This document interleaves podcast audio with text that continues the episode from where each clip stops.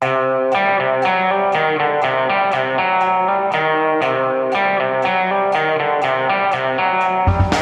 Ikke visste jeg at alle disse dagene som kom og gikk, de var selve uke 16. Og for første gang siden 12. mars har jeg gått ut av hjemmestudioet mitt for å lage podkast.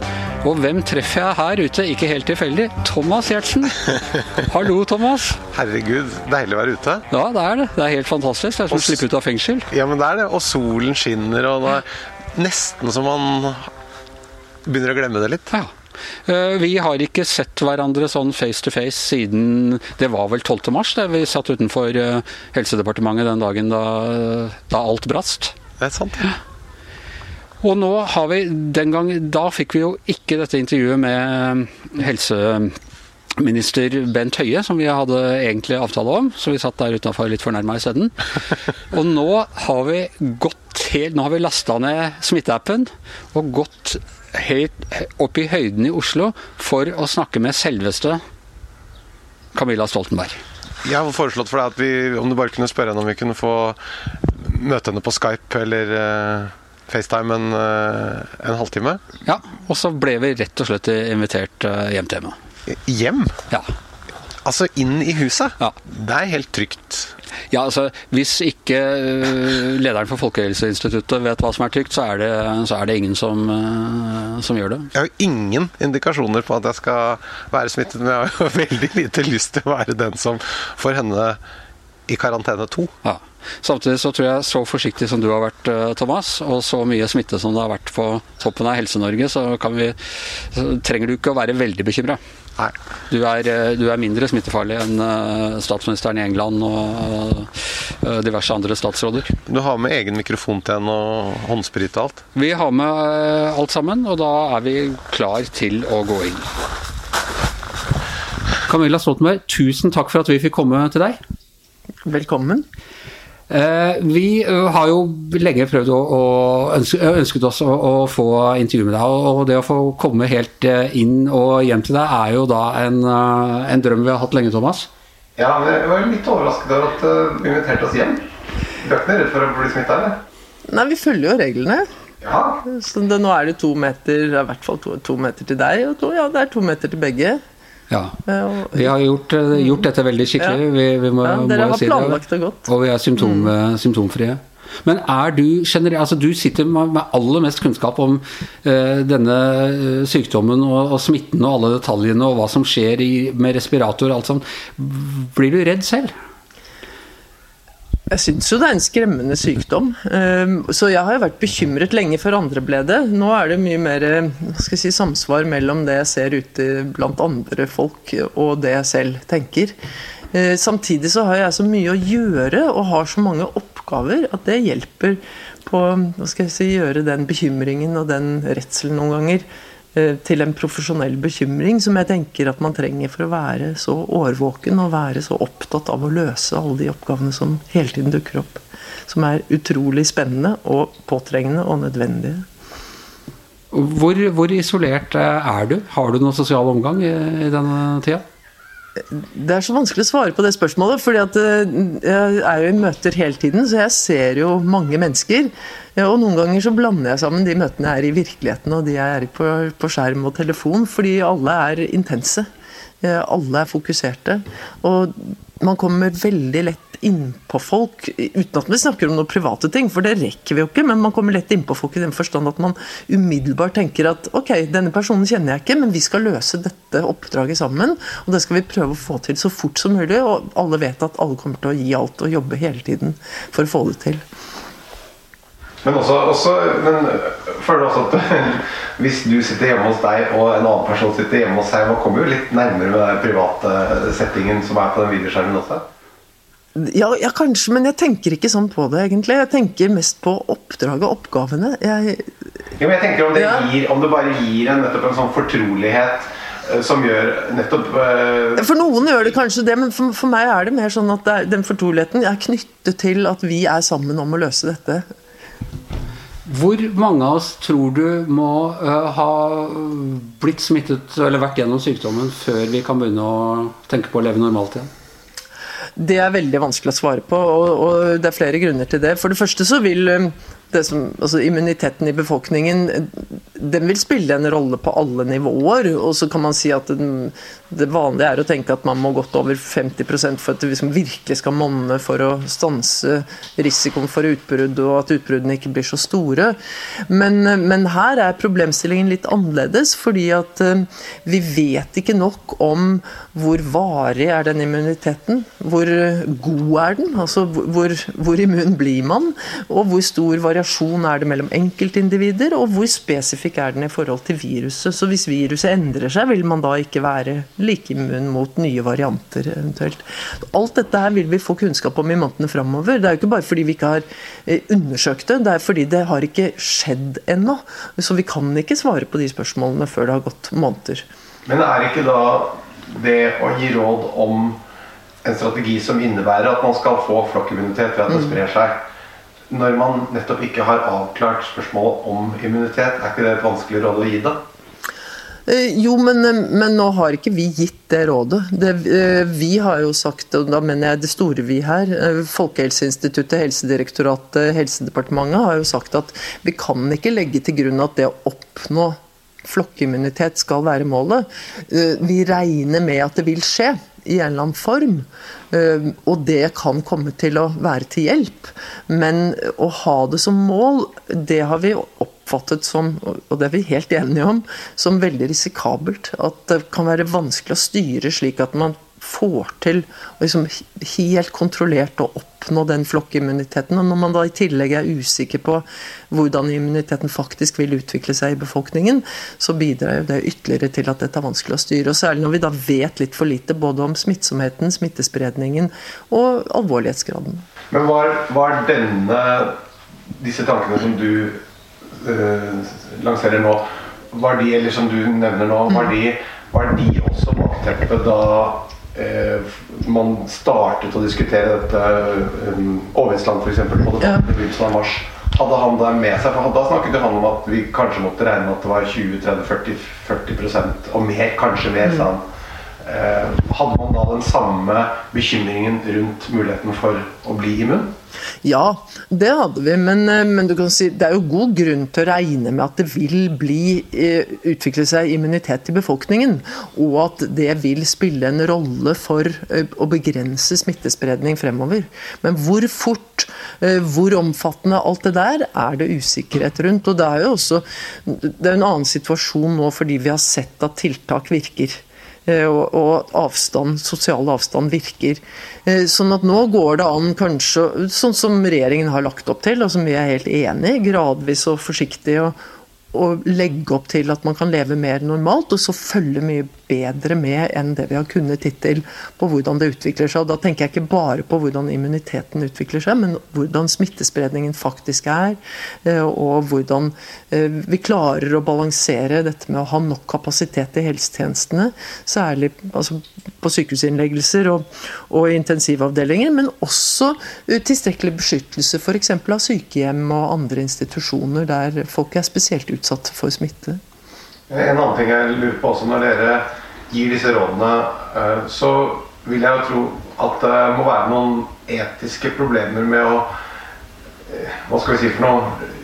Slippe løs en grad av smitte hvis man f.eks. ikke vet om det er noen langtidsskader eller senskader eller ting som kan dukke opp i etterkant. At hvis du har hatt dette viruset eh, en gang, og så plutselig så viser det seg at det har skjedd noe med cellene dine, så du plutselig kan utvikle andre sykdommer. Mm. Jeg vet ikke hva ja, Det er helt riktig. Det er jo, man har jo egentlig så står man jo overfor den type problemstillinger også kan si en, en litt annen skala vanligvis når det gjelder influensa.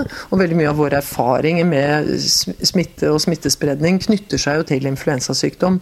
Så, så det er jo ikke helt ukjente problemstillinger, men det blir annerledes og mye mer påtrengende når det er et virus som man kjenner så lite til, eh, og hvor man er så usikker på både hvor stor andel av befolkningen som kan bli alvorlig syke og dø, og hva sykdommen faktisk innebærer på sikt. Så det er helt riktig.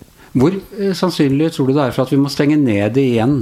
Eh, når vi nå kommer ut av dvalen, eller hva jeg skal kalle det? Det som er sannsynlig, er at det vil komme nye bølger av smittespredning. Fordi det er såpass vanskelig å kontrollere den smitten. Sannsynligheten for om man må stenge ned igjen, den er jo avhengig av så mange ting at jeg vil ikke anslå den. Eh, det tenker jeg bærer helt galt av sted. For da, da, får jeg høre at jeg sa at det var 40% sannsynlig. Og det, det, for det vi konsentrerer oss nå, er jo i stor grad å jobbe for at vi kan kontrollere smittespredningen uten å stenge igjen. Slik at selv ved et utbrudd som ikke er så stort, så vil vi ikke trenge å gjøre det. Så en av de viktigste tingene vi gjør, er jo å legge opp til at vi oppdager utbrudd veldig tidlig, og kan identifisere dem ved at vi senker terskelen for testing.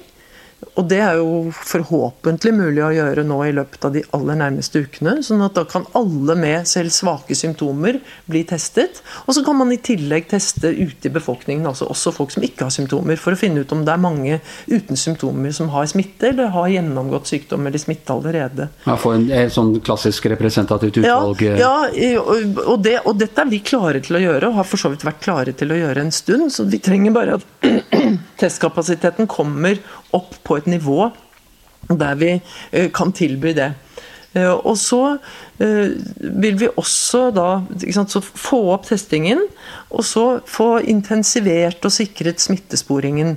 Og Det er jo der denne appen kommer inn som ett element. Og Det er viktig å understreke at det er bare ett element. Det får veldig stor oppmerksomhet, og det er fint. Men eh, i bunnen her så ligger jo den ordinære smittesporingen som foregår i kommunene. Og, og den må fortsette. Jeg har lasta ned appen. Thomas strever litt med å få, få lasta ned sin.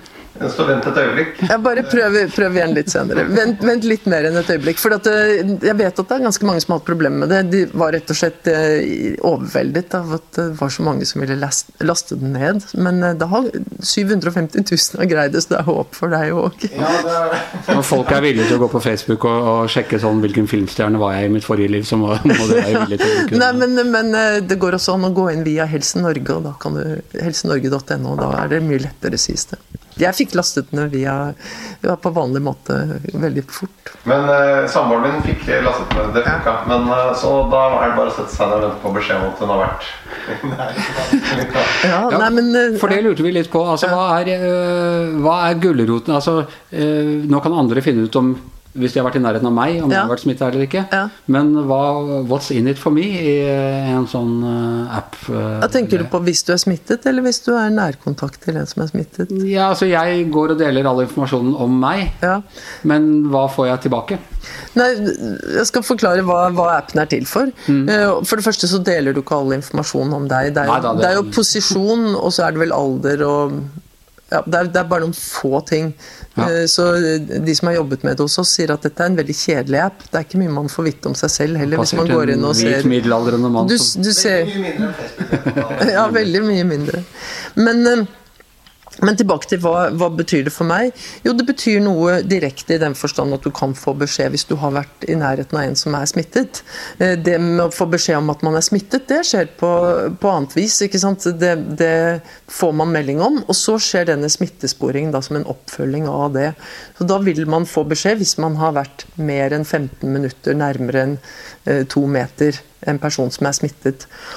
Og dette skal jo egentlig oppdages gjennom den ordinære smittesporingen, men hvis det ikke vi, regner jo med at den er ganske vanskelig å få til å bli helt presis. Eh, sånn at dette er et tillegg for å finne de som man ikke selv husker eller ikke selv helt har visst om.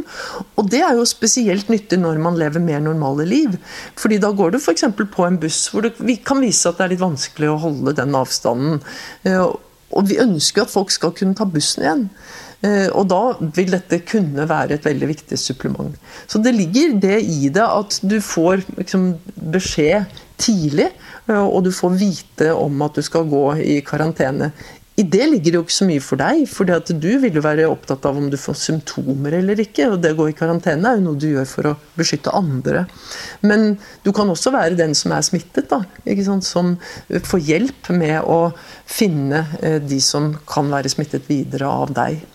Og så er det en viktig eh, side ved appen at alle bidrar til informasjon om bevegelsesmønstre. Og hittil så har vi, når vi skal gjøre fremskrivninger, så har vi brukt informasjon fra Telenor f.eks. som viser om man krysser kommunegrenser. Så det er en god indikasjon på hvor mye folk flytter seg over kommunegrenser. Men det er jo ikke egentlig så mye om hvordan er det vi faktisk beveger oss, og hvor nær hverandre er vi når vi uh, bærer smitte.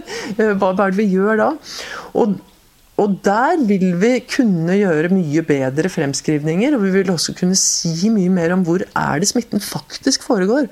For der, er der er det mye forskjellig litteratur og mye antagelser, Men alt tyder jo på at de man har størst risiko for å smitte, det er jo de man er nær. Det er de i familien, det er, familien, det er de som man jobber med osv. Det er jo veldig store forskjeller på smittespredningen på ulike deler av landet. Mm. Så at noen steder er det jo ingenting.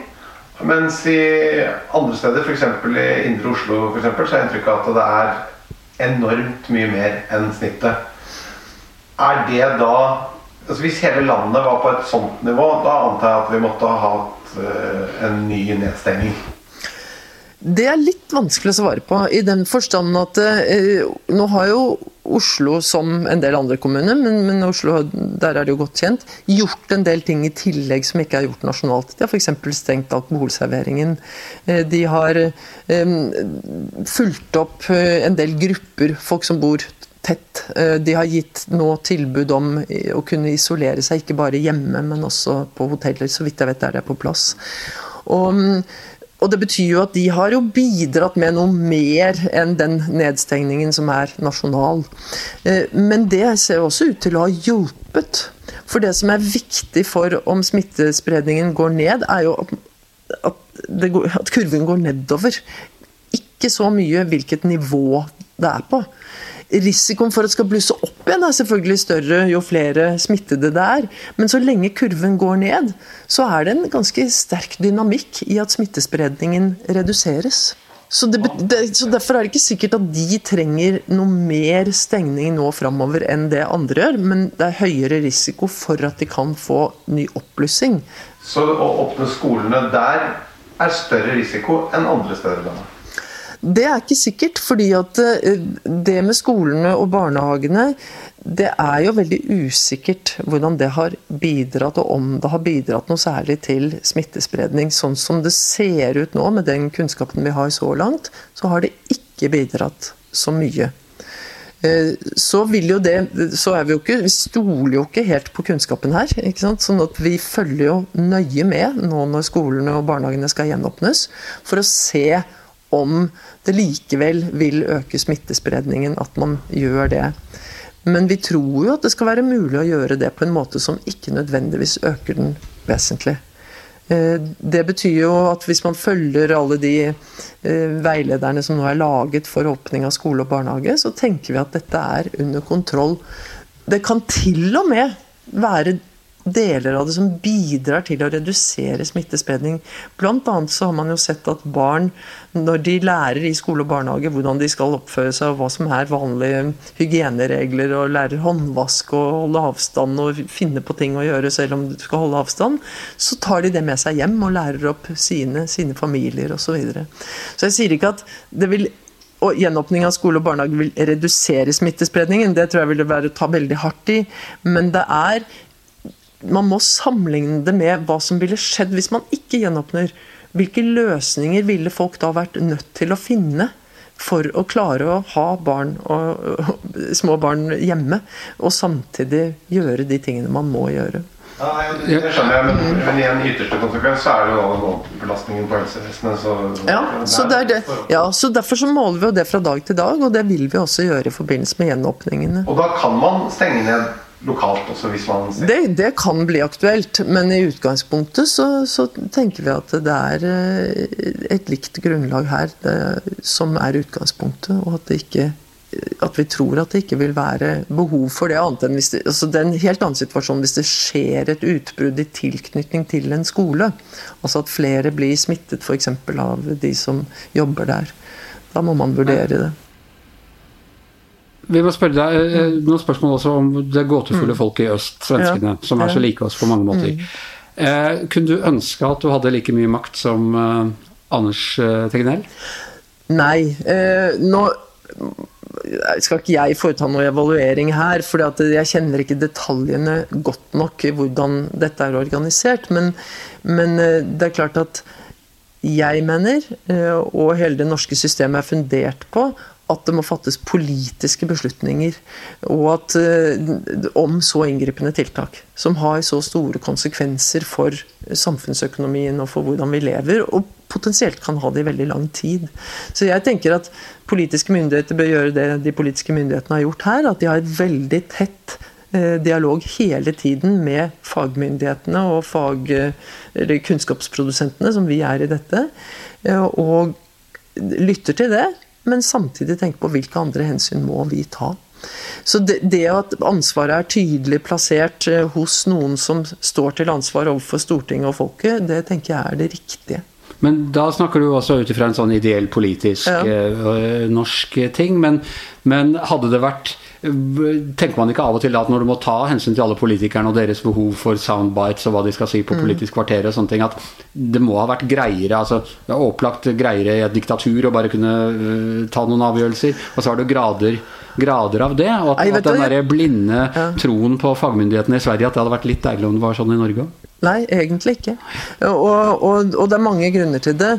Det betyr ikke at Man kan ta feil i begge retninger. Så, så her gjøres det helt sikkert feil, og det får, det får eh, granskningene senere vise. Men og jeg sier ikke at vårt system er perfekt, men det som er veldig viktig og bra, som vi ser fungerer i Norge, det fungerer også i Sverige, da, vel å merke. Det er jo den mobiliseringen blant folk som vi opplever. Det at dette er basert i bunn og grunn på frivillighet, selv om man har tatt i bruk lovverk og en del ting er hva skal jeg si, forbudt for tiden, så er det umulig å gjennomføre hvis det ikke har legitimitet i befolkningen. Så selv Forbudene er på en måte basert på en form for frivillighet, en representasjon, en demokratisk styringsform, rett og slett. Og det ville ikke vært mulig å gjennomføre de forbudene. om Historien er, har mange eksempler på at folk boikotter det hvis de ikke har tillit til myndighetene. Så, så man, man, må ivareta den tilliten, og det må man i et sånt politisk system. Nå gjør også Sverige det. sånn jeg, jeg tror ikke vi skal overdrive forskjellene på Norge og Sverige her. Jeg tror de er ganske mye mindre enn det de ofte blir fremstilt som. Og vi kjenner jo hverandre godt. Folk, eh, Folkehelsemyndigheten i Sverige og, og Folkehelseinstituttet i Norge og har jo mye dialog også i denne situasjonen. Faste møter hele tiden. Og diskuterer eh, forskjellene her. Så det, det kan være at det er for tidlig for meg å konkludere når det gjelder de forskjellene, men det kan være at når man går gjennom det, så vil det være noen viktige læringspunkter. F.eks. skulle man stengt barnehage og skole eller ikke? Skulle Sverige ha gått lenger i å bruke lovverk og bruke politikerne til å komme ut med veldig klare budskap som gjør at folk etterlever alle de tingene som folkehelsemyndighetene har sagt, hvor det ser ut for meg som det kan være mer variasjon der enn det har vært hos oss. Ja, fordi Du nevner at man er avhengig av den tilliten i befolkningen. og Jeg tenker at eh, jeg vil jo anta at en, en fagperson hos deg i Folkehelseinstituttet er jo veldig sånn konkret opptatt av akkurat hvilke tiltak som gir eh, den effekt innenfor faget, men nettopp den psykologiske dimensjonen, da, f.eks. å stenge grensene. Mm. Det vil jeg anta har en ganske sånn i hvert fall opplever jeg at det virker sånn, ah, det virker veldig betryggende. Psykologisk så har det en positiv effekt på befolkningen, kan tenkes. Mens kanskje en forsker sier at ja, det betyr ikke noe på smittetallene fordi ja. eh, det, er, det, er, en god beskrivelse av, av sånn som det er. Vårt, vårt, vårt viktigste hensyn er det å beskrive situasjonen og gi anbefalinger ut fra hva som kan ha betydning for smittespredningen. Så er vi gjennom lovverket faktisk også pålagt å ta hensyn til hvilke videre konsekvenser det har. Spesielt når det gjelder folkehelse. Hva betyr det for helse i bredt? Eh, fordi vi kan ikke si at nå skal vi bare prioritere koronavirusinfeksjonspasienter. Eh, vi må se på hvordan, hvordan påvirker dette dødelighet og sykelighet i befolkningen for øvrig. Så, og, eller, og sosiale ulikhet i, i, eh, dødelighet og sykelighet. Men, men er, er, den type hva skal jeg si noe psykologi i befolkningen Er det lett å få gehør for den hos de forskerne som sitter med eh, tallmodellene sine hos eh, deg, eller er de mindre opptatt av det, og regjeringen mer opptatt av det? Vi har jo veldig mange ulike typer fagfolk, og så jobber vi jo her tett med, med øh, Helsedirektoratet. Sånn at dette er jo et samspill med mange aktører, og, en, og veldig tett dialog med Helsedepartementet, og sånn sett med politiske myndigheter. Så det, det, er ikke et, et, skarpt skille her. Og så kan du si at øh, vi har et spenn av fagfolk. Noen er fordypet i, i sine modeller primært, og tenker kanskje ikke så mye på hvordan dette kommuniseres ut i befolkningen, men vi har også mange som er eksperter på nettopp det, på, på risikokommunikasjon knyttet til smittsomme sykdommer f.eks. Det fremstår som litt den første, største forskjellen ja. mellom Sverige og Norge. At Tegnell virker mer som en eh, På meg fremstår mer som en matematisk eh, og mm. veldig sånn Ikke så eh, opptatt av psykologien i befolkningen. Mm. Nei, men det er, det er, jo heller ikke hans primære rolle. Og, og, og, det er jo en av grunnene til at jeg tenker at det som er avgjørende her, er det, hvem er det som fatter de endelige beslutningene. Nå er det vel også sånn i Sverige, vil jeg tro, at det er, det er at politikerne kan uh, gå inn, men terskelen for det er nok uh, mye høyere. Det var, eh, har vært internasjonale oppslag, bl.a. Forbes, eh, som har laget på at i alle de landene hvor det går best, er det kvinnene som styrer, eh, eh ja, styrer landet og styrer politikken. Tror du det er tilfeldig? Der syns jeg statsministeren svarte veldig godt på det spørsmålet på pressekonferanse i går. fordi hun fikk det samme spørsmålet. og Da sa hun at det kunne være en bakenforliggende faktor som gjør at det både er større sjanse for å få kvinnelige ledere og større sjanse for å få en god håndtering av eh, et koronavirusutbrudd og en slik krise. Altså at, at, dette fører til at det i fremtiden blir lettere å få Altså Det er ikke fordi du har kvinnelige ledere at det er god håndtering, men det er noe med de samfunnene som både får fram kvinnelige ledere og som er i stand til å håndtere det. Så det, det syns jeg er et klokt svar. Det, det, tenker jeg også er det mest sannsynlige forklaringen der. Ja. Ikke mange vet dette, men du har en bror som er generalsekretær i Nato. Eh, snakker du noe med Han har jo også nå eh, uttalt seg offentlig om, om, hele sikkerhetssituasjonen som dette skaper. Snakker, diskuterer du mye med han?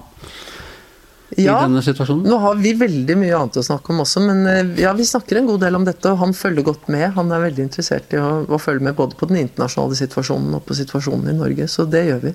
Og uh, altså Mye av det Nato jo fokuserer på nå, er jo sikkerhetsrisikoen fra Kina. Det er der uh, det er der eh, viruset oppsto, og det er der trusselen kommer. Og vi har vært veldig avhengig av den informasjonen kineserne har vært villige til å dele. Stoler vi på den? Det er ikke jeg den rette til å vurdere primært. Eh, så jeg lytter til det som blir sagt eh, om det, både altså våre egne myndigheter, både sikkerhetsmyndigheter og helsemyndigheter, og, og den diskusjonen som pågår om det. Eh, jeg tenker jo at man generelt skal være vi er veldig avhengig av informasjon og informasjonsutveksling, også med, med, Kina. Og jeg tenker at man generelt skal være kritisk til informasjon, uansett hvor den kommer fra. Og det må vi være også i dette tilfellet. Men litt mer til og, Kina enn til Tyskland, liksom? Vi er, jo, vi er jo mye tettere dialog med Tyskland også når det gjelder eh, håndtering av et utbrudd. Eh, men, men generelt så er det jo slik at åpenheten om hva som foregår, har økt betydelig de senere årene. Og så er det det problemet at parallelt med det så har også mulighetene for manipulasjon og desinformasjon økt. Og det er også generelt. Så jeg vil nok si at det er Det skal vi følge med på helt generelt. Er det, men er det forstyrrende eller vanskelig for dere når det nå kommer så mye nyheter, og forskningsrapporter publiseres prematurt, de er ikke eh, godkjent Det, det, det, det kryr jo. Og ettersom dere prisverdig nok har vært ærlige og si at det er masse vi ikke vet, så gjør jo det at da går jo alle oss andre rundt og tror at vi vet veldig mye. Pluss at man da plukker sammen og setter sammen eh, masse forskning i gåseøynene herfra og derfra. Hvordan er det for dere liksom å, å både internt å navigere i det landskapet selv, og ikke minst også kommunisere i det? Så det, eh, I valget mellom å ha en situasjon der eh, forskningsrapporter ikke kommer ut, og at de kommer ut for tidlig eller før de er publisert i det hele tatt som forskningsrapporter, men bare legges ut på nettsider osv., så, videre, så vil jeg langt foretrekke den situasjonen vi er i nå. Eh, det kan oppleves kaotisk, men det går an å manøvrere i det. Og vi har mekanismer for å manøvrere i det. Vi har bl.a. et veldig sterkt eh, internasjonalt anerkjent kunnskapsoppsummeringsmiljø, som nå lager eh, levende forskningskart, kunnskapsoppsummering, raske kunnskapsoppsummeringer og oversikter i sanntid osv. Det, det er sånne gjennomganger av hva er det vi nå har fått vite siste uken eller de siste ukene om dette spørsmålet, f.eks. immunitet? Eh, hva er kunnskapsstatus her? Og så oppdateres det regelmessig. Og Det er en systematisk tilnærming til det som gjør det mulig å, å håndtere så, så, kunnskapsutviklingen skjer jo nå raskere enn den har gjort noensinne. Og det at så mange ute i befolkningen i media kan så mye, er også enestående. Jeg opplever det som helt annerledes enn for ti år siden. Det er mange kompetente folk som har lært seg utrolig mye ute i befolkningen og ute i media. Så først og fremst opplever jeg det som veldig positivt og et viktig virkemiddel for å håndtere situasjonen. Jeg lurer altså Denne pandemien har jo på en måte Eh, den har blitt framstilt som en svart svane, uventet og sånne ting. Samtidig er det noe av det mest ventede. Den har mm. toppet alle trussellister og sånne ting. Er dette den store, eller er dette eh, generalprøven på den store pandemien à la spanskesyken? Det er klart, I våre liv er dette den store, men det betyr ikke at det ikke kan komme en enda større. Det er jo En pestaktig, liksom? Jeg vil ikke si noe om det, men, men, men, jeg mener at denne har vært ventet. Eh, vi har bare ikke visst når den ville komme. Eh, og så må vi jo være forberedt på lignende ting, litt mindre alvorlige ting og mer alvorlige ting. Eh, men om det kommer nå, eller om 10 år, eller om 50 år eller 100 år, det er vanskelig å si. Men hvor mye har vi lært av denne i forhold til hva vi lærte av fugleinfluensaen eller svineinfluensaen? Jeg tror at vi kommer til å ha lært enda mer av denne. Fordi det er så mye mer gjennomgripende. Ja, det håper jeg. Jeg tror vi kommer til å endre på beredskap, og at, vi kommer til å, at det kommer til å være en helt annen type infrastruktur rundt det i Norge. Ja, det tror jeg. Og kunne vi brukt noe mer av uh, statsbudsjettet på nettopp denne typen beredskap, og litt mindre på kulere kuler og krutt? Det skal ikke jeg uttale meg om. Men eh, at vi vil finne bedre måter å være forberedt på, som vi også kan ha glede av i fredeligere perioder, det er jeg helt sikker på. Jeg kan bare spørre helt til slutt. Mm. Når vi nå gjenåpner sånn, skolen, mm. hva tror du er, her? jeg tror at den kommer til å holde seg eh, lavt, så sant vi klarer å etterleve en del av de eh, reglene som nå er etablert. Og det tror jeg vi kommer til å klare, fordi vi kommer til å følge med på hvordan det utvikler seg i resten av verden. Og det å se f.eks. hvordan det er i USA nå, gjør jo et kolossalt inntrykk. Så tror du vi klarer å være under igjen? Nei, det vil nok veksle. Det vil nok veksle. Men det trenger ikke være pga. gjenåpning av skoler og barnehager at det går opp. Camilla Stoltenberg, tusen hjertelig takk for at du stilte opp i eh, podkasten vår. Tusen takk for at dere kom. Ja, Thomas, jeg kan ikke si annet enn at uh, det var et interessant møte. Men jeg eneste var at jeg hadde lyst til å sitte her inne i en time til.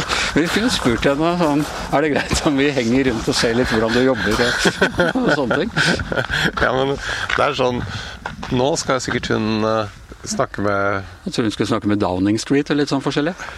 Dette er, dette er uh, veldig absurd. Solen skinner, Anders. Solen skinner, det går mot, uh, mot uh, lysere tider. R-en er lav. Uh, Giæver og Gjertsen er over for denne uka. Det kommer en ny utgave av podden i morgen. Da skal jeg snakke med Roar Hagen om tegninger. Og så er det en ny politisk podkast på mandag. Men du og jeg, Thomas, vi snakkes ikke før om en uke. Vi gjør ikke det, og la oss hygge oss. Men kan vi ikke bare være enige om nå skal vi ha det veldig hyggelig, men to meter er fortsatt to meter? To meter er fortsatt to meter, og i løpet av mai skal vi prøve å kutte den ned til én. Men uh, over for oss for denne gangen. Uh, vår, uh, vår, mann med den laveste R-en i hele podkastuniverset, Magne Antonsen, har sydd hele sammen. Vi høres senere.